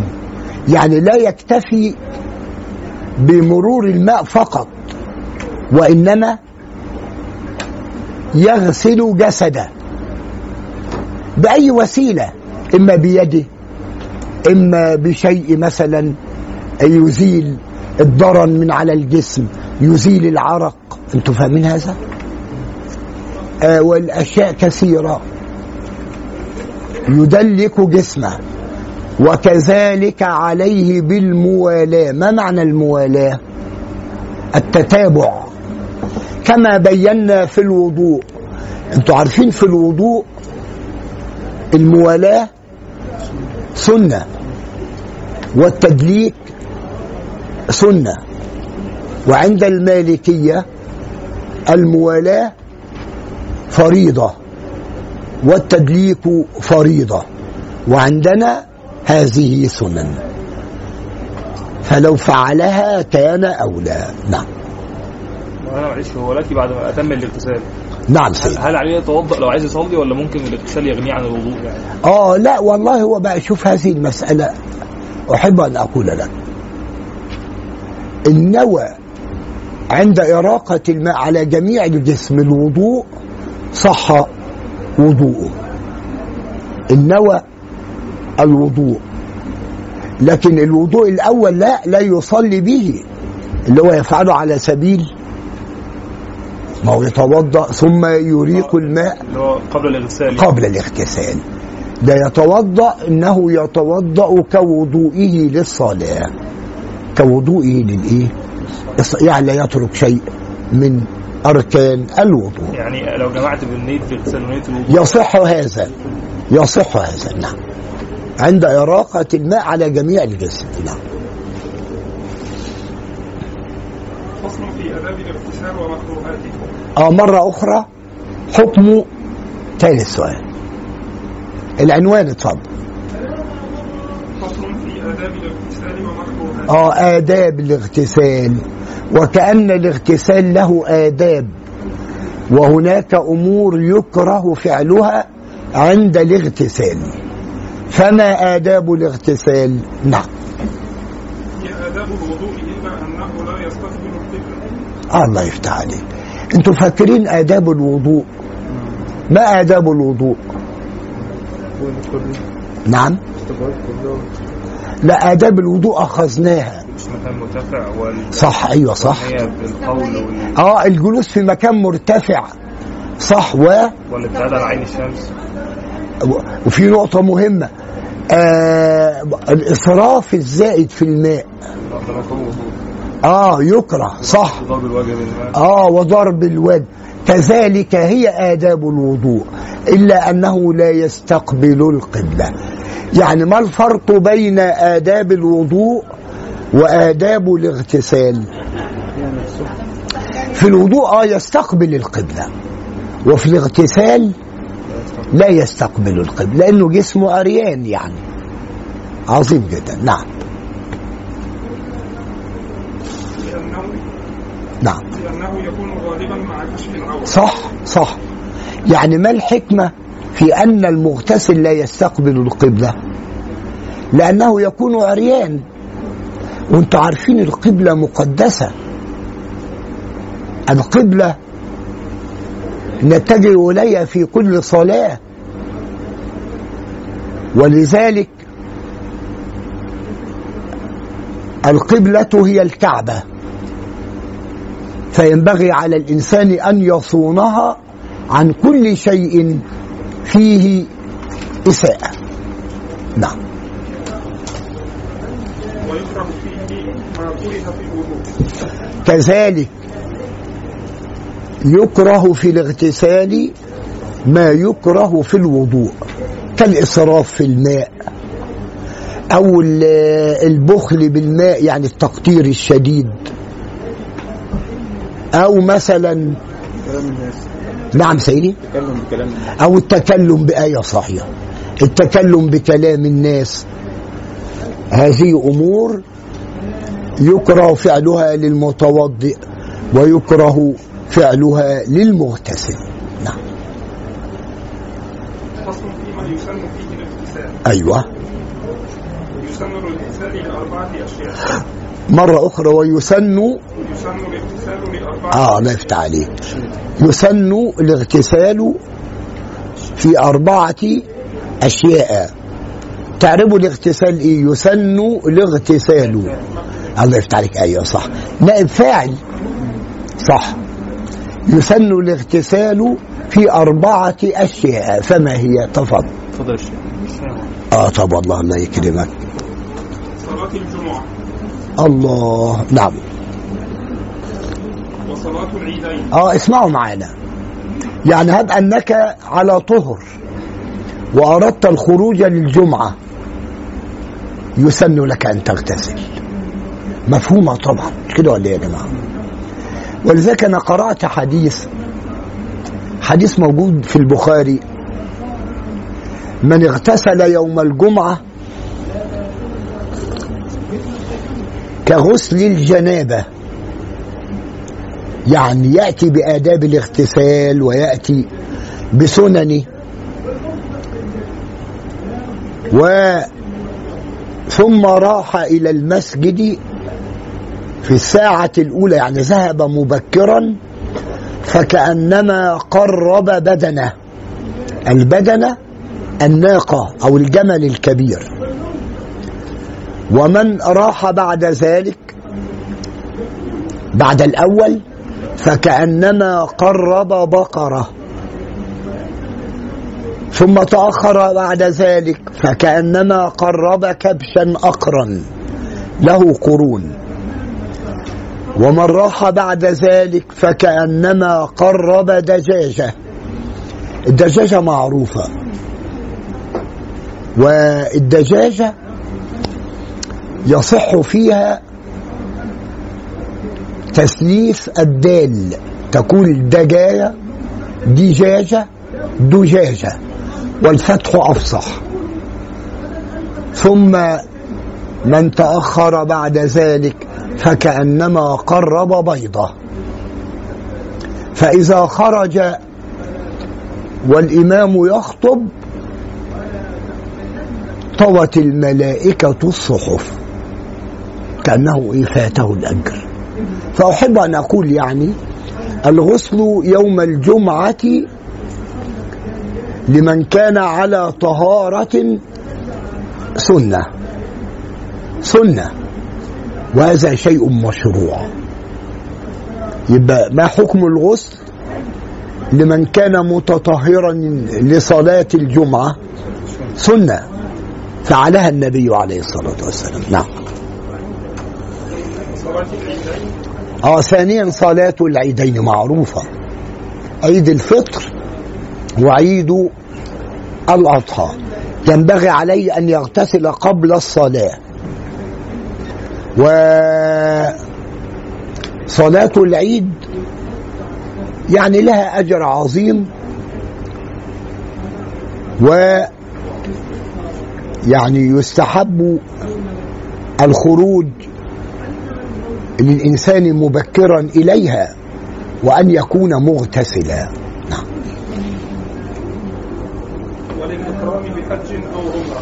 الإحرام طبعا. الإحرام بحج أو عمرة. إن نويت الإحرام لابد أن تغتسل. تقول سواء كان حج أو عمرة. الفرق بين الحج والعمرة الحج فريضة والعمرة سنة. الحج له أشهر معلومات. فما هي؟ أيوة احفظوهم لازم. ما أشهر الحج؟ لا أعرفوهم. وربنا قال الحج أشهر معلومات. هي شوال ذو القعدة شوال ذو القعدة العشر الأوائل من ذي الحجة. يبقى شوال آه ذو القعدة العشر الأوائل من ذي الحجة لأن يوم عرفة هو الحج الأكبر التاسع من ذي الحجة. وهناك اسمها مواقيت زمانية. الأشهر مواقيت إيه؟ زمنية. يعني إيه؟ نعم. شوال؟ لا ما هو يعني إيه؟ يعني نفترض أنت أردت الحج في شهر رجب. هل ينعقد الحج؟ ذهبت في رجب. هل بدأ الحج؟ يعني آه لازم من شوال. اللي هو عيد الفطر. آه. آه أول أيام عيد الفطر بعديها لك أن تحجي وتستمري لكن نفترض حبيتي تحجي في شهر المحرم. ينفع؟ لا أردت الحج في المحرم. على أساس تنتهي منه في صفر يصح الحج؟ لا لا يصح. السبب في هذا إيه؟ لأنك لم تأتي بالمواقيت ال- الزمانية. يبقى عرفت المواقيت الزمانية؟ مولانا وليك نعم. ليه كل الناس بتحج في العيد الأضحى يعني اشمعنى ادام في مواقيت تانية ما بتحجش لا لا. ده هو الحج بأمر من الله. أنتوا عارفين؟ الرسول بين قال الحج عرفة. نفترض أنك فا أنه فاتك يوم عرفة. فما الحكم؟ لا الحج باطل لا يصح. لابد من الوقوف بعرفة. فالقرآن بين لنا المواقيت والرسول شرحها لنا. يبقى عرفتوا أشهر الحج؟ يعني يبدأ في الحج مثلا من شوال ولا آه بالظبط يا سيدي. عرفة. بالظبط. بالظبط. إلى يوم النحر صح. يعني لازم يعدي بيهم عرض بس لازم آه لازم. لكن نفترض إنكم نويتوا الحج في رجب. وحبت تنتهي منه في شعبان ينفع؟ لا لا يصح ليس مع حج لك أن تأتي بالعمرة. كذلك في مواقيت مكانية أرجو أن تعرفوها. بعضهم جمعها في بيت من الشعر. قال نعم. يعني لا اللي هي الأشهر أشهر الحج. يعني متى ينعقد الحج؟ ما صح لكن لابد أن تدركي هذه الأيام مع يوم عرفة. أنت ممكن تحجي مثلا في أواخر ذو الحجة ينفع. هو لازم من شوال لكن ممكن تستغرقي المدة من شوال إلى آه يوم النحر. لكن ممكن بعد ذلك ممكن مثلا انوي الحج في آه مثلا أول أول ذي الحجة. ممكن. ممكن ولا لا؟ لكن بشرط إن يكون في هذه الأيام. فكأن هذه الأيام فيها نوع من الايه من الاتساع. لا يلزم من أول شوال. وأنما لو بدأت من شوال يصح. من ذي القعدة يصح بشرط ألا يفوتني الوقوف بعرفة. يا سهلة. أنت فاهمينها ولا إيه؟ سهلة. عشان كده كله بيحج في اللي هو الوقت اللي قبل عرفه. أيوه لازم. لابد من الوقوف بعرفة. وأما المواقيت المكانية فهي. جمعها بعضهم وقال وابيات حلوة جدا أرجو تحفظوها. عرق الع... ونفهمها عرق العراقي. يا لملم اليمني ابيات معلش هي سهلة يعني. عرق العراقي. يا لملم اليمني مرة أخرى عرق العراقي. يا لملم اليمني وبذي الحليفة يحرم المدني. يبقى البيت مرة أخرى عرق العراقي يا لملم اليمني وبذي الحليفة يحرم المدني. البيت الثاني والشام والشام جحفة إن مررت به. مرة أخرى والشام جحفة إن مررت به ولأهل نجد قرن فاستبنوا ولأهل نجد قرن فاستبني ما معنى فاستبني أي اسمعوا. أهل العراق يحرموا لو جايين من طريق العراق يحرموا عند مكان اسمه ذات عرق. كل من جاء عن طريق العراق يحرم عند ذات عرق. أهل إيران باكستان مثلا الهند. طب بالنسبة أهل اليمن يحرموا في مكان اسمه يلملم. اسمه إيه يا جماعة؟ يلملم. وهذه المواقيت معروفة أوي. بالنسبة أهل الشام يحرموا في مكان اسمه الجحفة. وكل من جاء عن طريق الشام يعني مثلا أهل فلسطين أهل مصر ليبيا آه الجزائر تونس إن جاءوا عن طريق البر يحرموا في مكان اسمه الجحفة. أهل نجد يحرموا في أي مكان. أيوة. ولأهل نجد اسمه قرن المس... المناسك يبقى عرفتم هذه المواقيت؟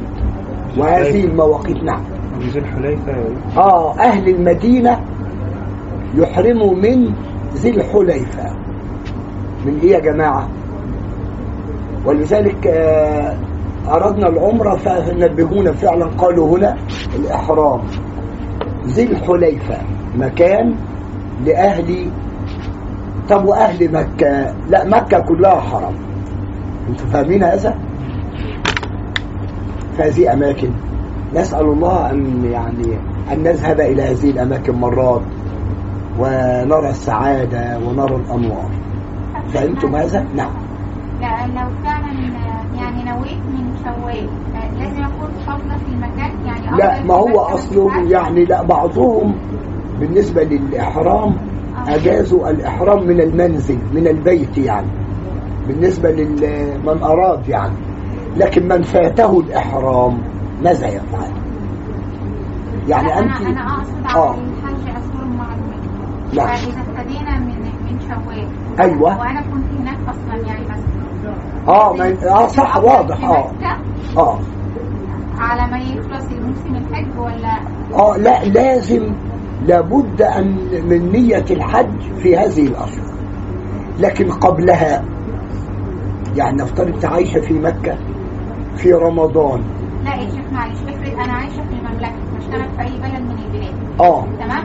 نعم. فرحت بقى من مثلا من أول شوال وابتديت النية وممكن إن أنا أعمل حاجة من مناسك الحج إلا مثلا عرفه هي اللي اجلها لا لا. يعني أنت مثلا أنا فاهمك حاجة. هو الواقع أنت مثلا في مكان في المملكة وأردت الإحرام. أردت الحج يعني. آه. متى تبداي الحج؟ كلام جميل. تأتي بالمناسك كلها. آه. لكن ترجعي وبعدين تذهبي تاني؟ لا. لكن أفضل لازم أفضل آه بالظبط.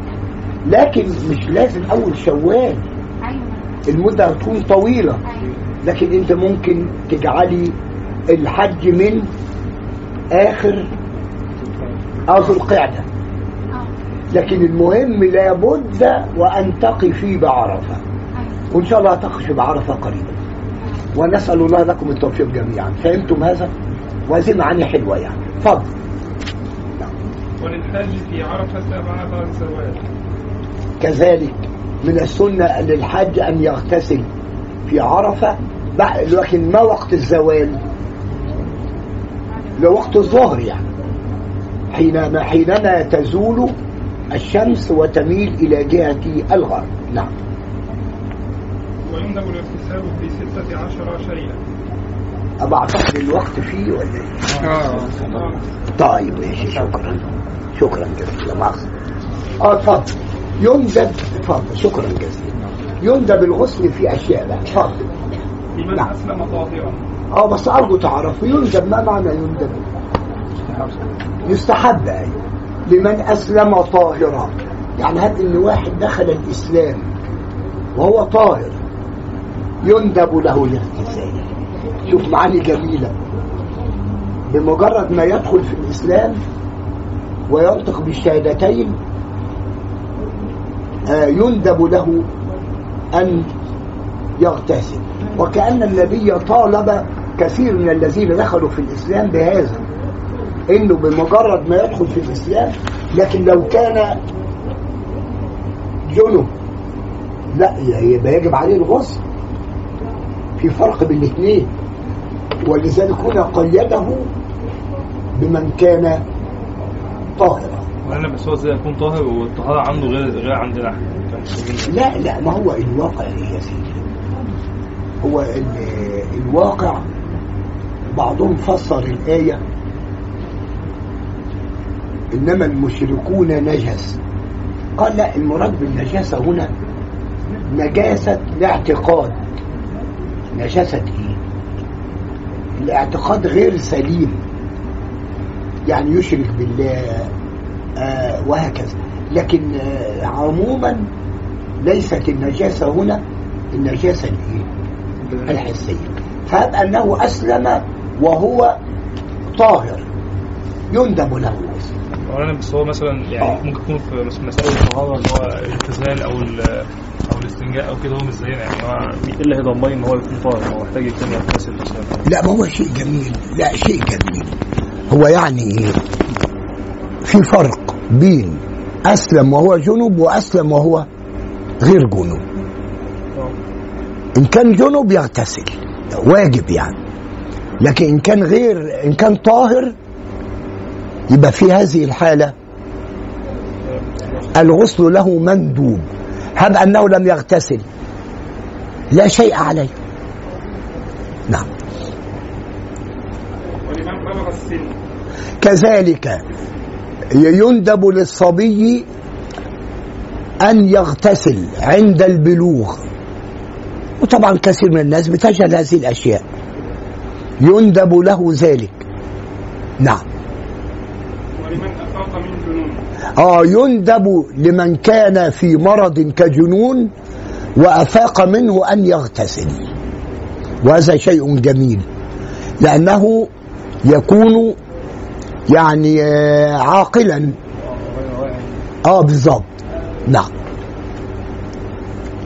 وعند الفراغ من حجامة أو غسل ميت. وعند الفراغ من حجامة. حجامة الحجامة الحجامة عبارة عن نوع من ال- أخذ شيء من الدماء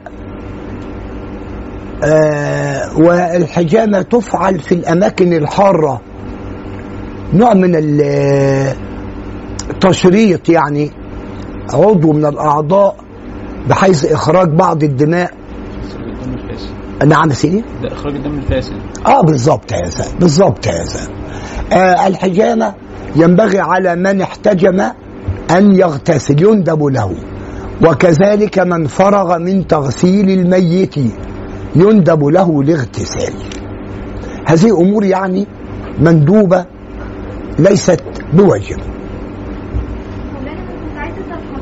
نعم. هو ال- المشرك اللي اسلم وهو مثلا يعني زي استحب ليه الاغتسال أيوة. هو يعني فكره اللي هو الطهاره اللي هو نجاسه الاعتقاد دي يعني هو مثلا ينفع يمسك مصحف وهو لسه ما لا ما هو أصلا ال- الواقع هو كثير من العلماء فسروا الآية إنما المشركون نجس قال أو قالوا المراد بذلك العقيدة نجاسة العقيدة.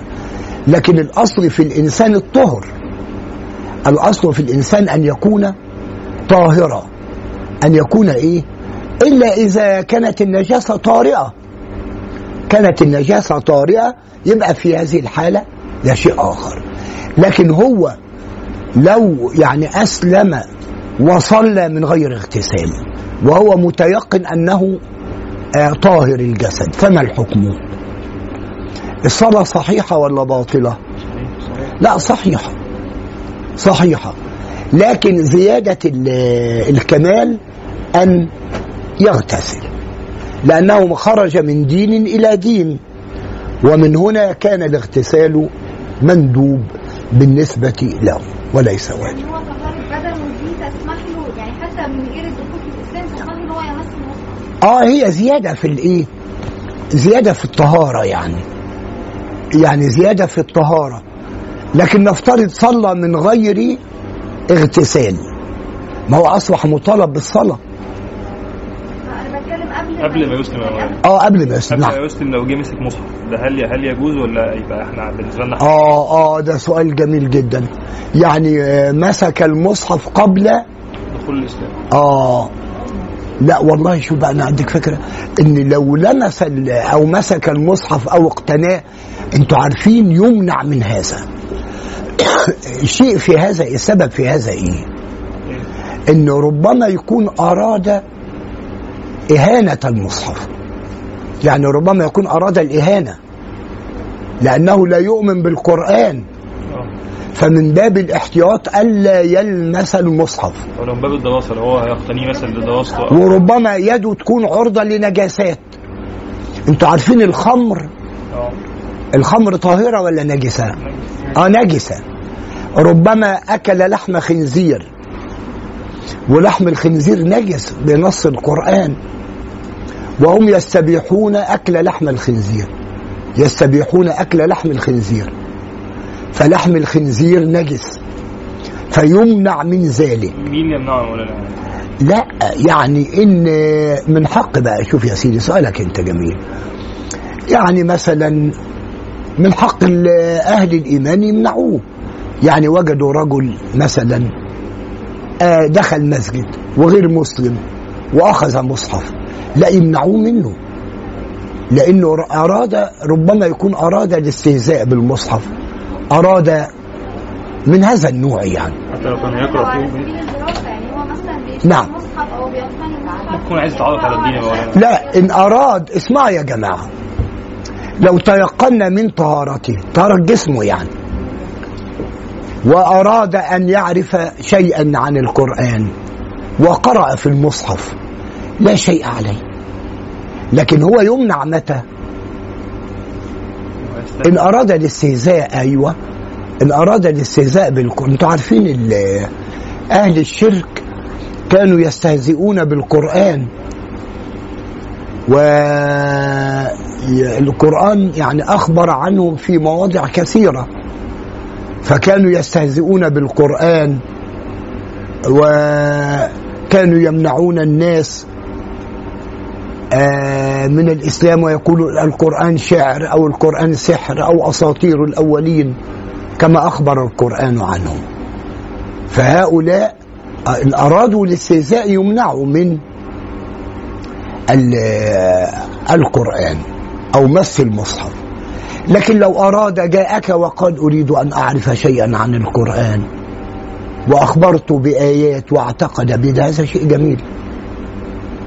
طالما أنه طاهر طاهر اليد طاهر مثلا الفم. معايا؟ لكن لو شاهدته يأكل خنزير أو يشرب خمر لا يمنع في هذه الحالة. نعم. غسل ميت. نعم. كذلك يندب لمن يفعل ذلك أن يغتسل. نعم. وفي ليلة براءة. ليلة في ليلة براءة يندب الاغتسال ليلة براءة اللي هي؟ ليلة النصف من شعبان. أيوة. ليلة النصف من شعبان. آه ولذلك يستحب فيها الدعاء. يستحب للإنسان أن يكثر من الدعاء. فيستحب الغسل في هذه الليلة. نعم. وليلة القدر وليلة القدر. ليلة القدر متى تكون؟ أيوة في الإيه في العشر الأخير من رمضان. والرسول عليه الصلاة والسلام بين ذلك. اطلبوها في الوتر الأخير أو في وتر العشر من رمضان وأراد الأيام الأخيرة. فليلة القدر أخبر القرآن عنها فقال ليلة القدر خير من ألف شهر. لكن ما معنى إذا رآها؟ كيف ذلك؟ آه أحب أن أقول لكم صح. أنت خير تعبير هذا. إذا يتيقن و... وكأن الله تعالى شرح صدره ينبغي عليه أن يغتسل. ما بتختلف من واحد لواحد ممكن نعم. يعني في ناس تقول في الليل أنا انشرح صدري وناس ثانية بتقول في الليل أنا انشرح صدري.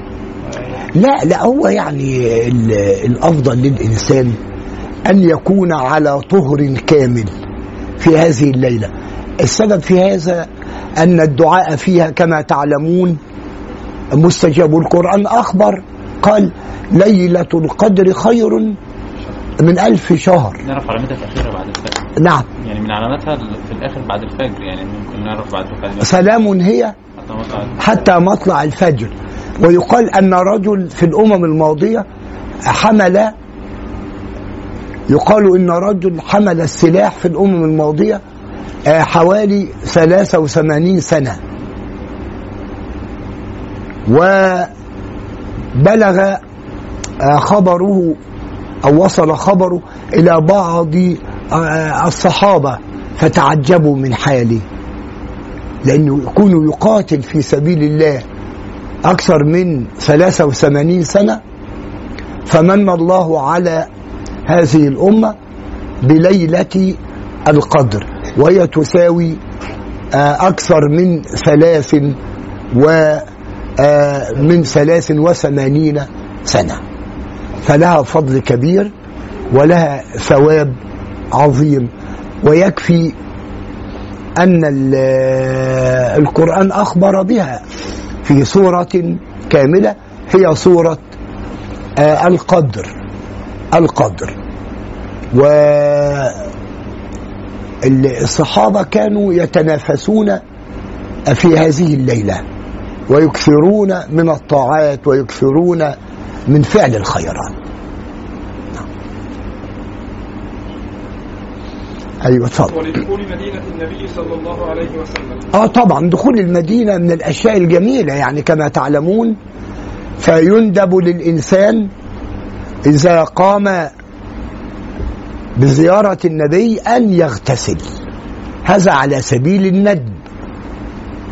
يبقى يندب لمن دخل مدينة النبي أن يغتسل. نعم. يوم كذلك الوقوف بالمزدلفة وهذا مكان من مناسك الحج. وكذلك قلنا في يوم عرفة كلها أشياء يندب للإنسان أن يفعلها وعند دخول مكة وبطواف الزيارة. يبقى إذا كل مناسك الحج يا جماعة يندب للإنسان فيها أن يغتسل ولو كان على طهارة. حينما يدخل مكة المكرمة شرفها الله تعالى يندب له الاغتسال. وعند الإحرام وعند دخول المدينة وفي الوقوف بعرفة وكلها معاني جميلة. نعم. لصلاة الكسوف واستسقاء. ولصلاة كسوف واستسقاء. الكسوف. الكسوف خاص بإيه آه فإذا برق البصر خسف القمر. أيوه الكسوف للشمس والخسوف للقمر.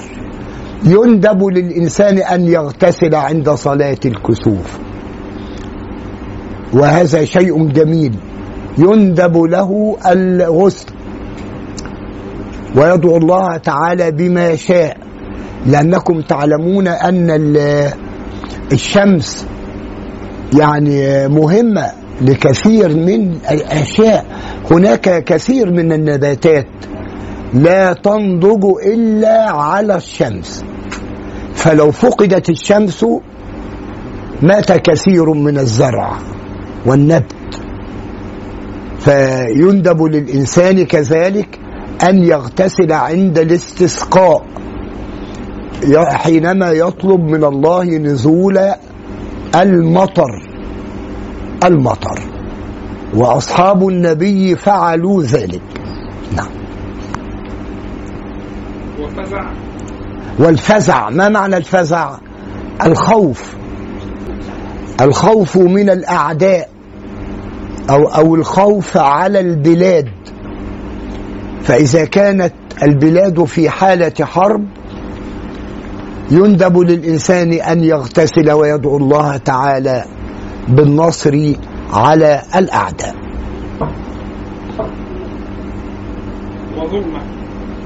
وعند يا سيدي إيه؟ ال ظلمة أيوة. أيوة أنا أذكر زمان لعهد قريب حدثت ظلمة في القاهرة في وقت العصر. ظلمة شديدة جدا. آه فإن وجد الإنسان أمارات أو علامات على الظلمة ينبغي عليه أن يغتسل ويدعو الله تعالى. وكأن الله تعالى يبين كما أخبر الرسول إن الله طيب لا يقبل إلا طيبا فينبغي عليك أن تتقرب إلى الله بخير الأعمال آه، تقربا إلى الله تعالى وتقبل على الله تعالى بالدعاء. شديدة. وعند الهواء الشديد أو الرياح الشديدة ربما نجد لك الحمد لله عصم الله بلادنا من هذا. لكن في بلاد فعلا تجد أيوة عواصف صح عاتية. وربما قلعت الأشجار. وكأنتم تعلمون ذلك يعني. وربما قلعت النخيل. وربما هدمت بيوت. فنعوذ بالله من هذا. في بعض ال- البلاد يعني. نعم. نعم. نقف على التيمم. فاضل 10 دقائق. آه طيب عموما يعني أنتوا فهمتوا اللي فات الأول. آه كم الساعة الآن؟ هو ميعادنا أربعة مش كده؟ آه طب نقرأ جزء في التيمم؟ آه لا مانع يعني إن شاء الله عشان فقه ينتهي بس الحمد لله أنتم مشيتوا. هو يعني ال ال ال الباقي سهل إن شاء الله نقرأ بس أرجو تقرأوه قراءة جادة واعية وربنا يكرمكم تقرأوا كتاب بعد ذلك اسمه الاختيار جمع العبادات والمعاملات. تكلم عن الرضاعة تكلم عن الزواج باب النكاح باب الطلاق باب ال- الخلع أشياء كثيرة كل ما يخطر. ببالك تعرض له الفقه. وهذه معاني جميلة. باب التيمم تفضل. يصحب شروط ثمانية. أيوة. الأول النية وحقيقتها. أيوة. عكس القلب على الفعل ووصفها عند ضرب يده على ما يتي- يتيمم به. آه مهمة يعني التيمم لا ينعقد إلا بأمور أو بشروط. أولا النية. يبقى لابد من النية. إذا فقد الإنسان الماء أو إنسان لمرض لا يستطيع أن يستعمل الماء يباح له التيمم. لكن لابد من النية. وما حقيقة النية؟ عقد القلب على الفعل. ما معنى هذا؟ يعني لابد أن تنوي التيمم من أجل طهارة الطهارة أو من أجل الصلاة. ولو نطقت باللسان كان أحسن. إلا أن النية محلها القلب. نعم. وشروط صحة النية ثلاث أيوة. الإسلام والتمييز والعلم بما ينويه. شيء جميل جدا. كأن النية تحتاج إلى أمور. هل كل إنسان ينوي التيمم؟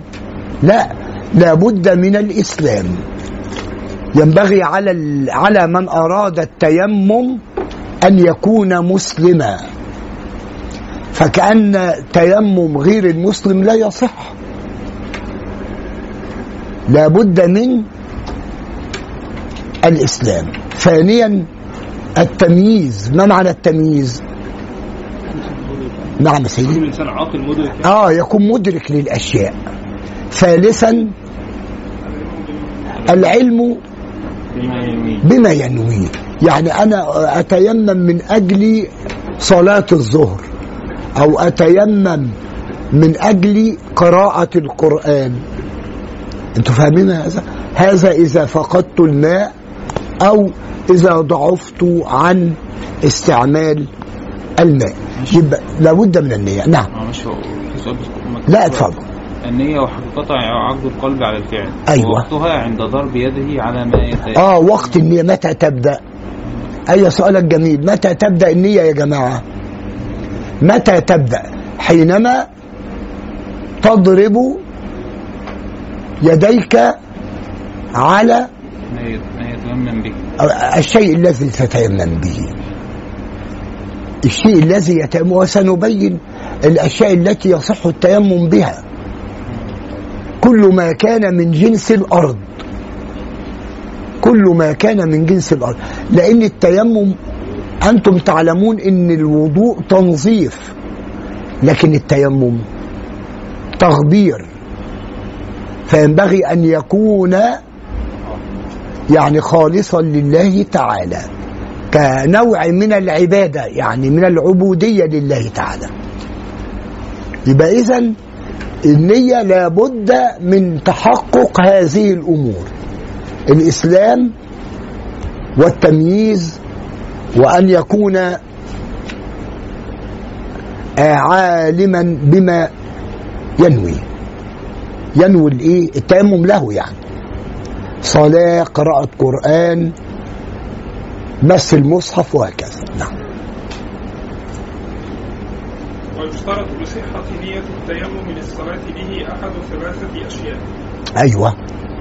إما نية الطهارة. أيوة. أو استجابة أو استباحة الصلاة أيوة. أو نية عبادة مقصودة لا تصح بدون طهارة. آه لا يعني مفهومة.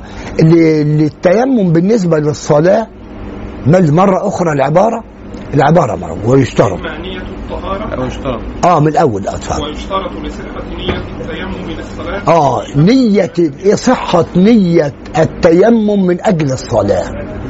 متى يصح التيمم للصلاة؟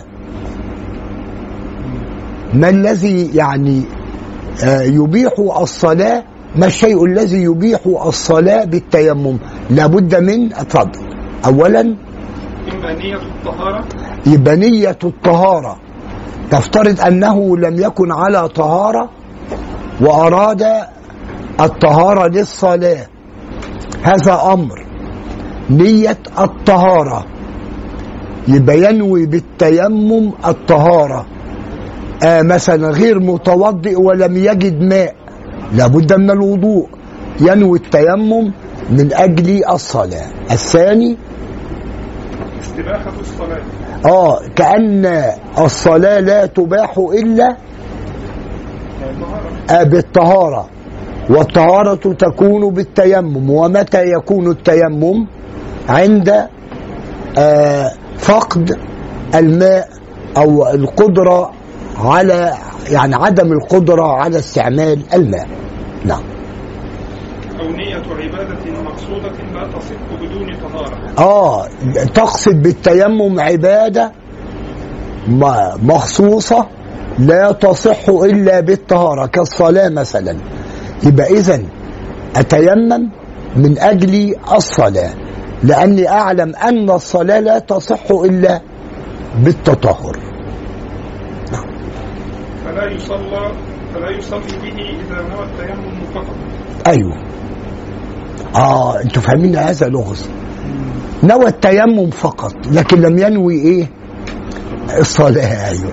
لم ينوي بالتيمم استباحة الصلاة. نوى التيمم فقط. هب إنه جالس في مكان وقال أتيمم؟ نوى تيمم فقط. هل يصلي بهذا التيمم؟ لا. لابد أن يكون مصحوبا بإرادة العبادة. يعني ممكن يكون تيمم ومش وقت صلاة وبعد كده جاله وقت الصلاة بقى.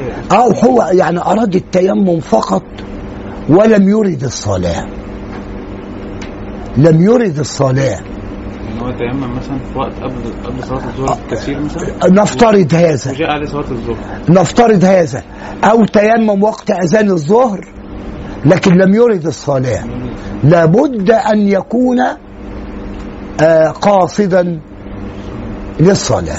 يعني هو نفس الشيء ده مع الوضوء برضه يعني أنا لو نعم. اتوضيت وخلاص وما ما نويتش نية الصلاة. هل برضه بقى ده؟ لا الوضوء لا أصل مش بالك. أصل التيمم الله يفتح عليك. التيمم فرع عن الوضوء. لكن الوضوء أصل ولا فرع؟ أصل أيوه. والتيمم فرع. التيمم آه تغبير بخلاف الوضوء نظافة. التيمم خلف عن الوضوء. لابد أن ينوي بتيممه الصلاة التي يريد ولو بقلبه. أنا أتيمم من أجل الصلاة. خلاص صح هذا شوف معاني حلوة. لكن أراد التيمم فقط لا يصح. أنتوا فاهمين يا جماعة؟ سهل أو نواه بقراءة القرآن ولم يكن آه نعم. مرة اسم آه نواه لقراءة القرآن ولم يكن جنبا آه. العبارة دي على بعض من أول بقى يا سيدي اتفضل. آه من الأول. ويشترط لصحة نية التيمم للصلاة للصلاة به أحد ثلاثة أشياء. أيوه. إما نية الطهارة نعم. أو استباحة الصلاة. صح. أو نية عبادة مقصودة لا تصح بدون طهارة. أيوه. فلا يصلي به إذا نوى التيمم فقط. أيوه. أو نواه لقراءة بس. القرآن ولم يكن آه بس. نوى التيمم ليقرأ القرآن. لأنه غير متوضئ يعني ولم يجد ماء. وتيمم للقراءة فقط. هل يصلي بهذا التيمم؟ لا. لابد أن ينوي ولعلي قل الصلاة لعلي قلت لكم لأن التيمم عبادة فرعية. عبادة يعني إيه؟ آه تنشأ آه. ولذلك ما حكم من تيمم وهو قادر على الوضوء؟ أيصح تيممه؟ لا لا صح. لا. ده متى يشرع في هذه؟ لابد فيه من النية. النية بقى هي اللي تحدد. النية تحدد في التيمم نعم. الثاني العذر المبيح للتيمم كبعده ميلا. كبعده. ميلا عن ماء ميل، آه. يعني هناك أمور تبيح التيمم. منها العذر المبيح. بحيث أن يكون بينه وبين الماء مسافة بعيدة قدروها بميل.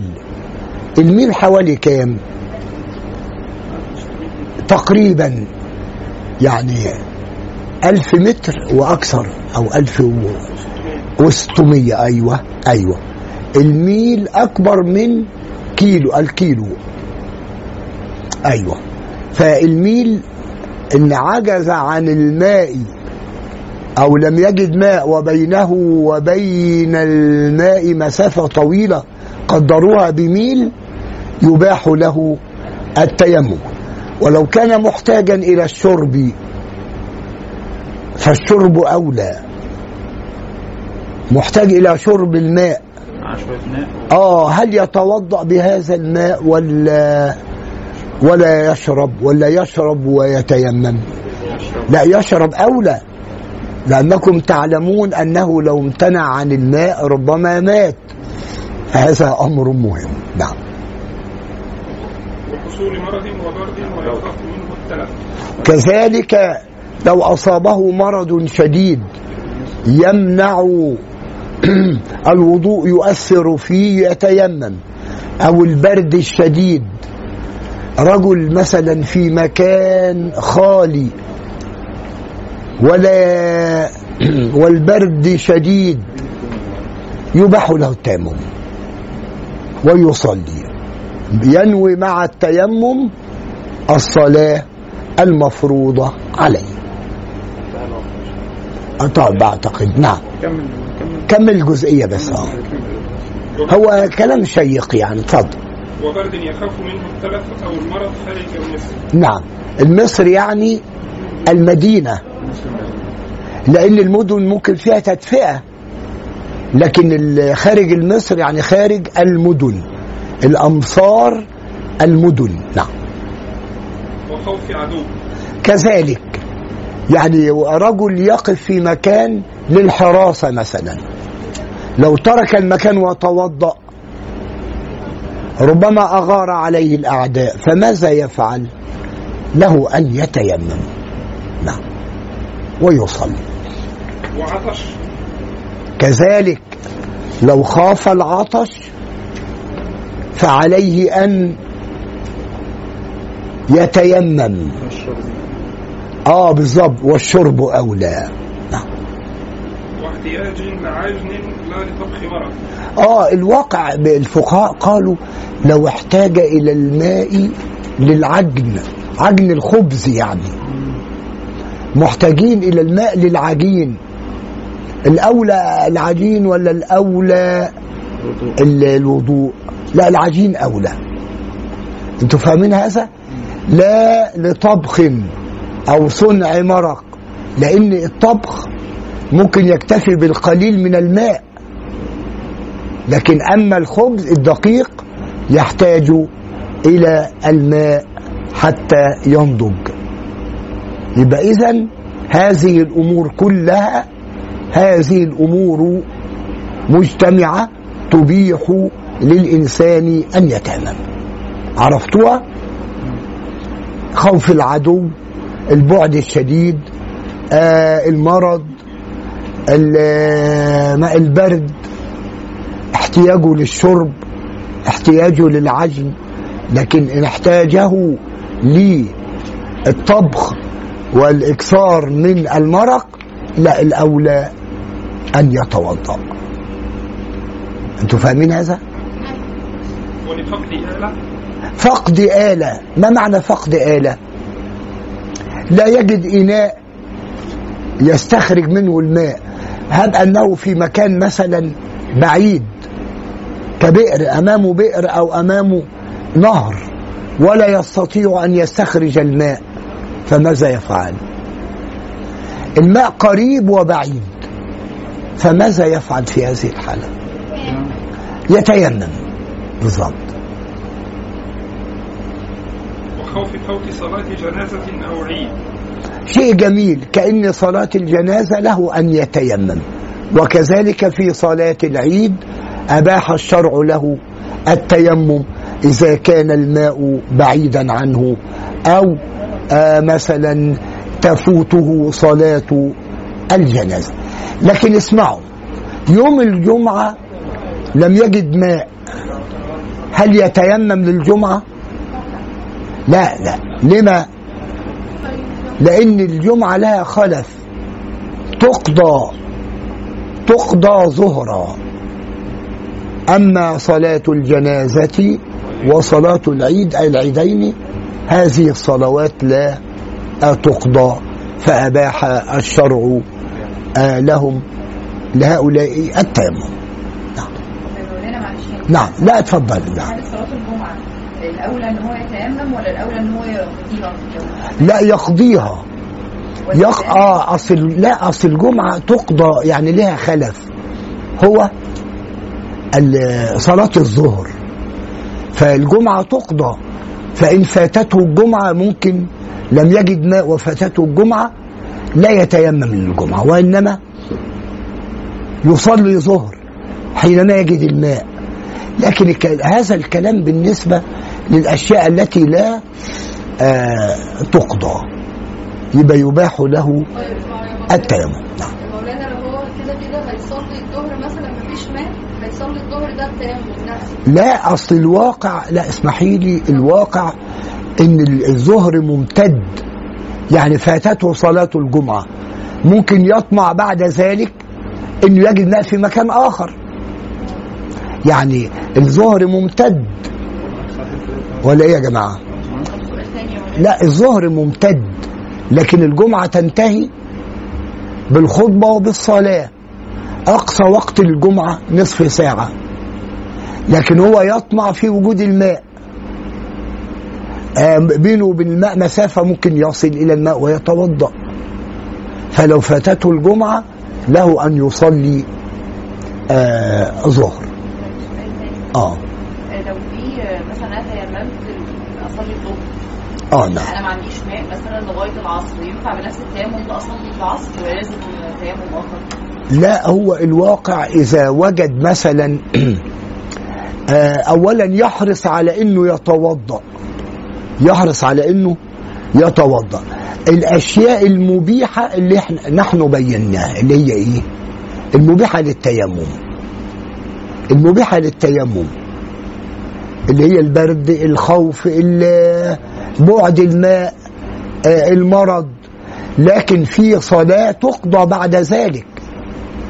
يعني في صلاة تقضى. لكن بعضهم بيرى إن لو وجد جماعة ولم يجد ماء إلى العصر هل ممكن يتيمم ويصلي مع الجماعة؟ إذا لم يجد ماء نهائي. ممكن. ثم بعد ذلك يتوضا ويصلي لما يجي آه بالظبط. ثم يقضي أيوه بعد ذلك. يبقى جمع بين الجماعة وبين قضاء القضاء. أنا سؤالي اخر نعم. أنا قصدي يجوز فردين آه، آه عندنا إن شاء الله هنأخذ. يصح للانسان أن يصلي بالتيمم الواحد ما شاء من الفرائض والنوافل. شوف شيء جميل جدا. يعني يصلي ال- العصر والمغرب بتيمم واحد. المغرب والعشاء بتيمم واحد. لكن بعض المذاهب ترى أنه يتيمم لكل صلاة. يعني أول ما الميه تبقى موجوده أو متربيه تاني بقى ومصليه أيوه. حتى لو دخل عليا وقت تاني؟ يعني آه لا يعني هو إذا تمكن من الوضوء إذا تمكن من الوضوء يقضي ما عليه. هو صلى بالتيمم من أجل الجماعة. لكن آه أنا آه. بتكلم في العموم يعني لو إحنا في البيت المية آه. لا بس يأمل إن الماء يأتي في أي لحظة. ماشي إذا إذا خلاص يعني. الوقت الوقت الصلاة يعني صليت آه يدخل وقت صلاة أخرى. آه يعني مثلا الماء ده لما جه كان بعد لا بس هسأل سؤال. إذا كان بين الإنسان والماء مسافة قريبة يحرص على الماء. ماشي لو كانت بعيدة آه. مت- آه بس مسافة قريبة.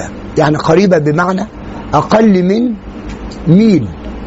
ممكن يستعير الماء. أصل الماء لا يبخل به يعني حتى من جاره من الجيران ممكن يعيروا الماء. أصل الماء لا يبخل به تعذر بس على فرض تعذر بقى نهائي. وبعد جدا جدا يبقى في حكم المعذور. يتيمم. ماشي لما المية تيجي.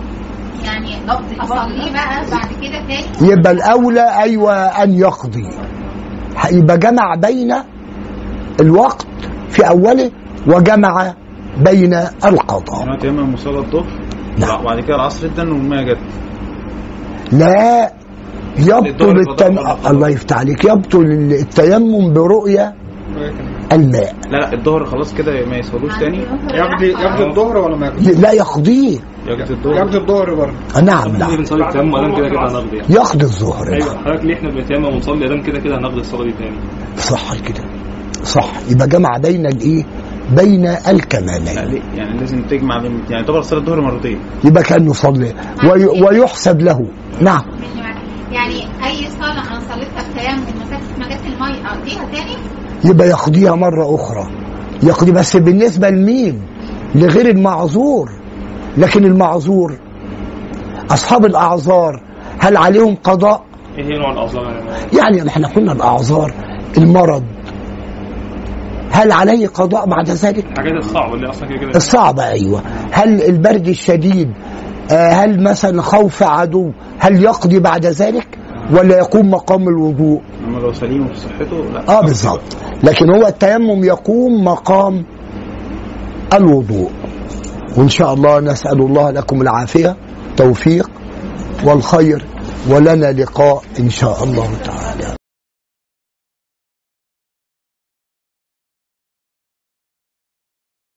هو الذي بعث في الأميين رسولا منهم يتلو عليهم آياته ويزكيهم ويعلمهم الكتاب والحكمة